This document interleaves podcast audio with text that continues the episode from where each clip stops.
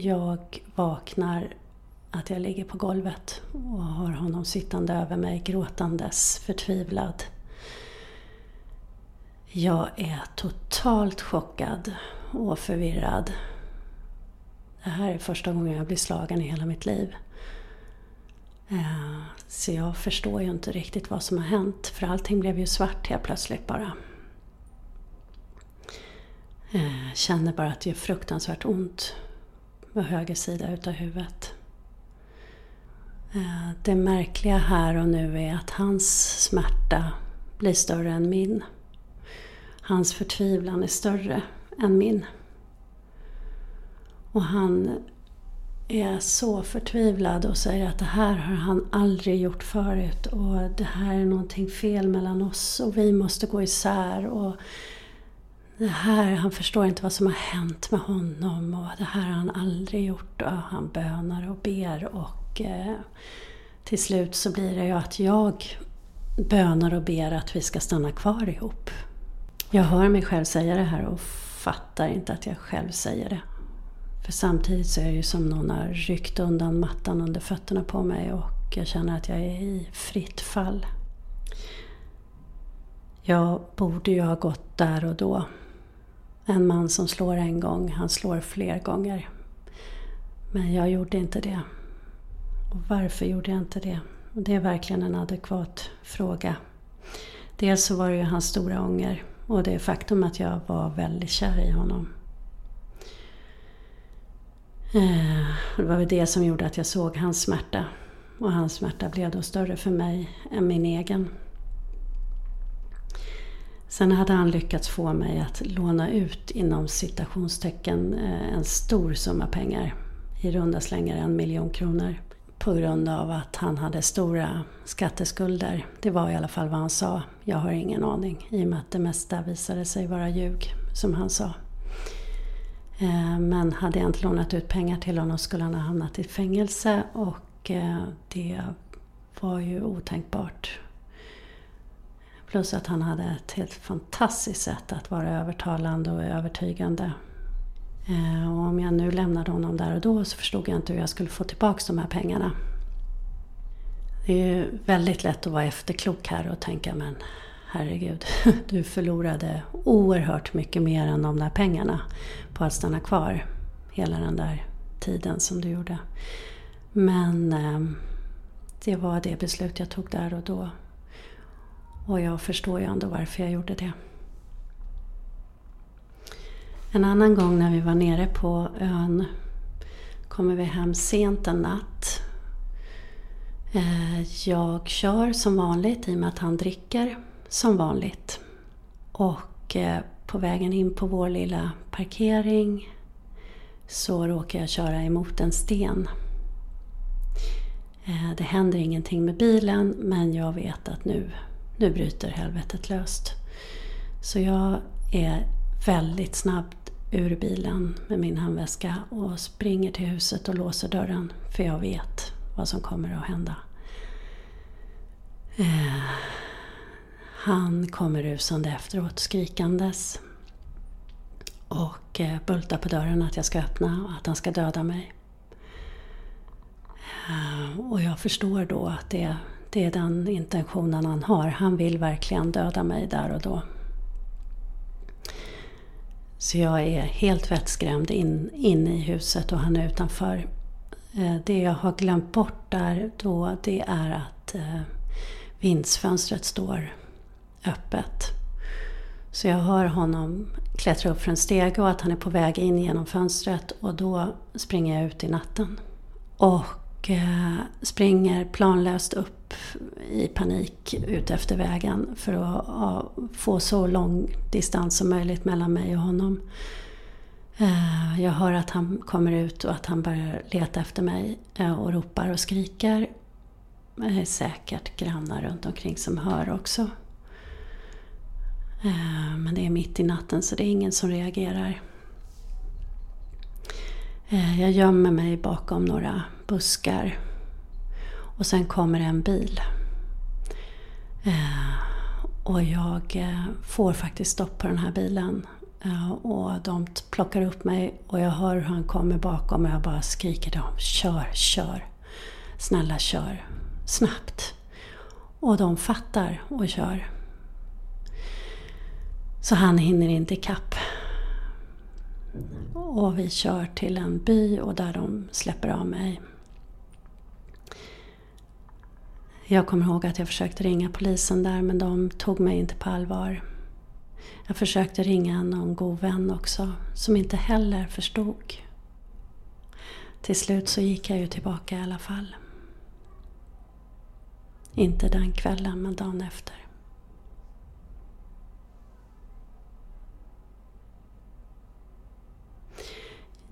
Varför går man tillbaka? Jo, man tror, eller jag trodde att det kommer att bli bättre. Han kommer att ändra sig.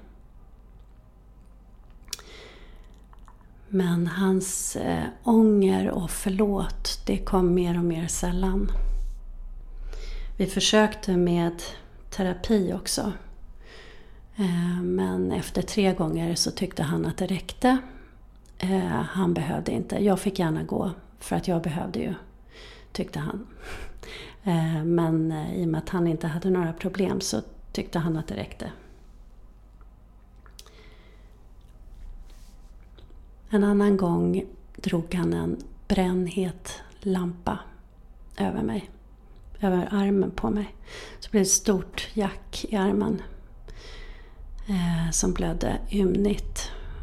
Eh, och jag kommer ihåg att en av mina söner var hemma då och jag bet ihop om vrålet för att inte väcka honom. Den ångesten eh, och smärtan att ens barn på något sätt är delaktiga i det här. Det var, det var fruktansvärt. Och att alla gånger bita ihop om skriket för att inte de skulle märka. Och det är klart att de märkte i alla fall. En annan gång springer han efter mig och eh, får tag i mitt hår och rycker kraftigt bakåt. Ehm, jag tror att jag, nu knäcks min nacke, men det gjorde den inte. Jag springer vidare. Låser in mig. Till slut orkar inte min kropp längre det är för hög mental påfrestning. Så jag tippar. Hela världen kantrar. Eh, jag fick en yrselsjukdom. Och eh, han blev ett monster. Som man inte redan var det, men han kunde inte hantera den här situationen överhuvudtaget. Eh, jag kommer ihåg en gång när vi skulle till en yrselläkare vid Hötorget. För att jag hade haft ett yrselanfall och låg. Eh, och han skulle ta mig dit i bilen och kör ner i garaget och kör i de här serpentinslingorna ner och ner och djupare och djupare i garaget. Och jag är bak i bilen och allt bara snurrar och till slut säger jag snälla du måste stanna, jag klarar inte det här. Eh, det bara snurrar här bak i bilen. Och han stannar bilen och blir helt vansinnig. Och håller på att slå sönder min bil. Eh, så jag ligger där bak i bilen och är livrädd. Dels för att han ska slå sönder min bil och dels för att han ska slå sönder mig. Eh, till slut så kravlar jag ur bilen och kommer upp mot någon pelare. Och han kommer ut och har lugnat ner sig en aning. Eh, och led, hjälper mig upp till läkaren. Eh, det är så absurt. Hela världen gungar runt omkring mig bokstavligen. Eh, och vi kommer in till den här läkaren, en fantastisk läkare. En sån där empatisk och som ser. Och min man är med mig där inne. Och läkaren tittar på mig och undersöker mig. Och så säger han att eh, det som kan läka det här nu, det är kärlek. Och jag tittar på honom och brister ut i världens gråt. Jag är så ledsen för jag får ju ingen kärlek. Så jag undrar, hur ska jag läka? Jag som inte får någon kärlek och som är i det här. Det är, det är en oerhört uppgiven känsla men det är samtidigt så är det som en polett ramlar ner i mig. Att jag kan inte bli gammal med den här mannen, jag måste lämna honom. Så fort jag kan stå själv utan att tippa så kommer jag att lämna honom. Det bestämde jag där och då. Att nu får det vara nog. Nu räcker det. Och eh, det tog ett år innan jag kunde det.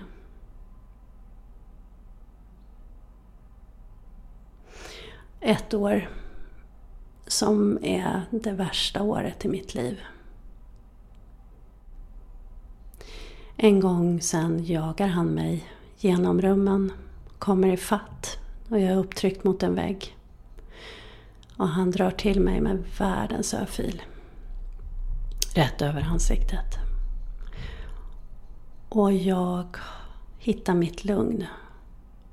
Och tittar honom stabilt och djupt i ögonen och säger att du knäcker aldrig mig. För varje slag blir jag starkare.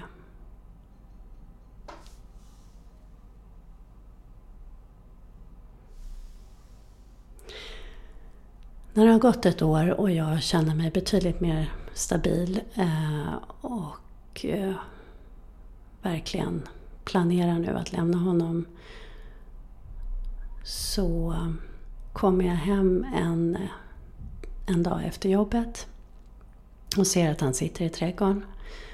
Det är försommar. Eh, jag ser att han har eh, dragit en butelj vin och eh, om jag känner honom rätt så hade han även druckit kanske en eller två öl innan den vinan. Jag väljer att inte konfrontera honom på något sätt utan jag går in i huset. Eh, jag är så färdig. Jag är så klar. Det handlar bara om att hålla sig levande. Eh, jag går in och dricker lite vatten i köket och ställer glaset ner i diskhon. Eh, han kommer in och ser glaset i diskhon och blir vansinnig. Och slår sönder vårt kök. Det viner eh, köksluckor genom luften eh, jag vågar mig dit och bara titta vad som händer. Då far det en korkskruv millimeter ifrån mitt huvud. Och då går jag upp på mitt rum eh, och stänger dörren och ligger där med telefonen och undrar när ringer man polisen? Är det nu man ringer polisen? Eh, jag gjorde inte det. Ehm, till slut så lugnar han ner sig där nere och eh, skruvar ihop köket igen. mm. Morgonen efter packar jag det viktigaste och eh, flyttar hem till vänner och bor i kappsäck. Och jag är ute. Jag har lämnat. För gott.